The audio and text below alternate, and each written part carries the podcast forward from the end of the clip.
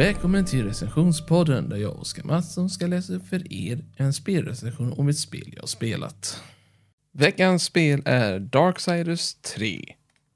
Som är till skillnad från föregångna spelen som är mer fokuserade på eh, exploration, vapenanvändning, så är detta mer Dark Souls liknande. På detta viset blir detta spelet annorlunda och, och allt fungerar genom uppgraderingar som du får genom att du spelar. Dock så betyder det också som i Dark Souls att om du dör får du börja om på mer vi möta samma fiender igen och igen och igen. Dock så kan du göra det på annorlunda sätt, vilket gör det lättare eller svårare beroende på. Till skillnad från föregångna spelet där vi följde War or Death, det vill säga Darksiders 1 och 2, så följer vi nu en annan ryttare utav apokalypsen vid namn Fury. Fury är den enda kvinnliga medlemmen i gruppen. Hon anses som näst äldst och anses också vara mycket inställd på att jag kan bättre än någon annan personlighet. Hon anser det som att hela världen ska ge henne platsen som den första ryttaren. Wow, eller hur? I alla fall. Hennes enda mål i detta spelet är att hon ska försöka stoppa de sju, ja det här är intressant egentligen, synderna. De här sju synderna är alltså sju aspekter som har tagit form som levande varelser och beter sig som de sju synderna. De sju synderna, ja, jag tänker inte säga allihopa i alla fall, för ni får upptäcka dem själva. Men jag säger greed är en av dem. Pride är en annan. Och liknande. Och ni förstår vad jag menar nu. Det, det är lite intressant på det viset. Hon blir utskickad till The Shard Council. Tre varelser som representerar, som är uppsatta till en varelse som försöker hålla balansen mellan himmelriket av änglarna och demoniska helvetet i balans. Deras enda uppgift är att hålla reda på att, så att det tredje riket, människornas värld, skulle få det någorlunda balanserat. Yeah. Kanske inte blev så rätt, så rätt eftersom att det blev apokalyps. Men hur det hände ihop, det... Ja, det är en fråga. Genom detta så måste du hjälpa vissa personer, hitta olika personer och ja, rädda mänskligheten som återstår.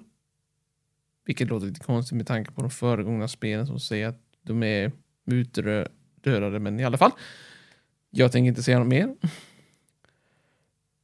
Och det handlar ju om de sju förseglade ja, artefakterna som håller hela världen och apokalypsen i schack. Detta händer ungefär vid tiden som när Death håller på med sitt. War är fortfarande fången i The Shard Council och anses vara fånge på grund av att du gjorde detta, eller hur? Detta spel innehåller också två DLCer, till skillnad från föregångna spel som innehöll bara Armor och vissa andra spel. Dessa två DLC är The Crucible och The Keeper of the Void. Dessa spel, mod, mod vad säger jag, menar, tillägg är det följande. Crucible är en arena och The Keeper of the Void är en ny världskarta ungefär. Antingen var det en ny världskarta med en helt ny dimensionell in, inbyggd värld. Och det andra var liksom en värld där du måste slåss i en evig kamp till mot slutet. Om ni inte har följt föregångna spelet och föregångna spelen, ska jag nog säga, så kanske ni känner till Killjoy, som jag nämnt. Ni möter honom återigen på ett nytt vis i Dark Souls-stil. What the hell? Och han är ju just det. Den tuffaste bossen i spelet. Och han är en sidokaraktär. What? Ja, ni förstår vad jag menar.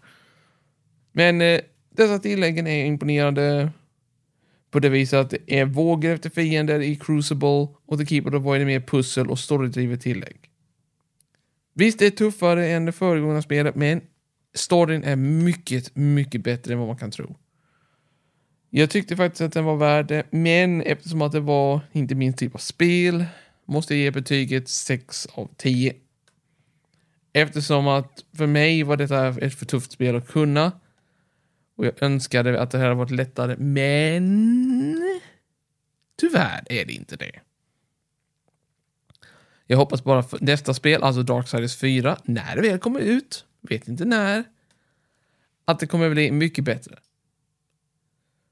Tills dess så får man väl njuta av de spel som finns, Darksiders 1 och 2 och liknande.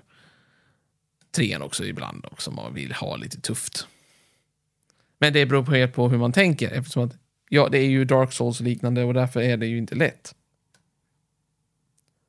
Men jag kan hålla med om en sak att skaparna har gjort ett bra jobb.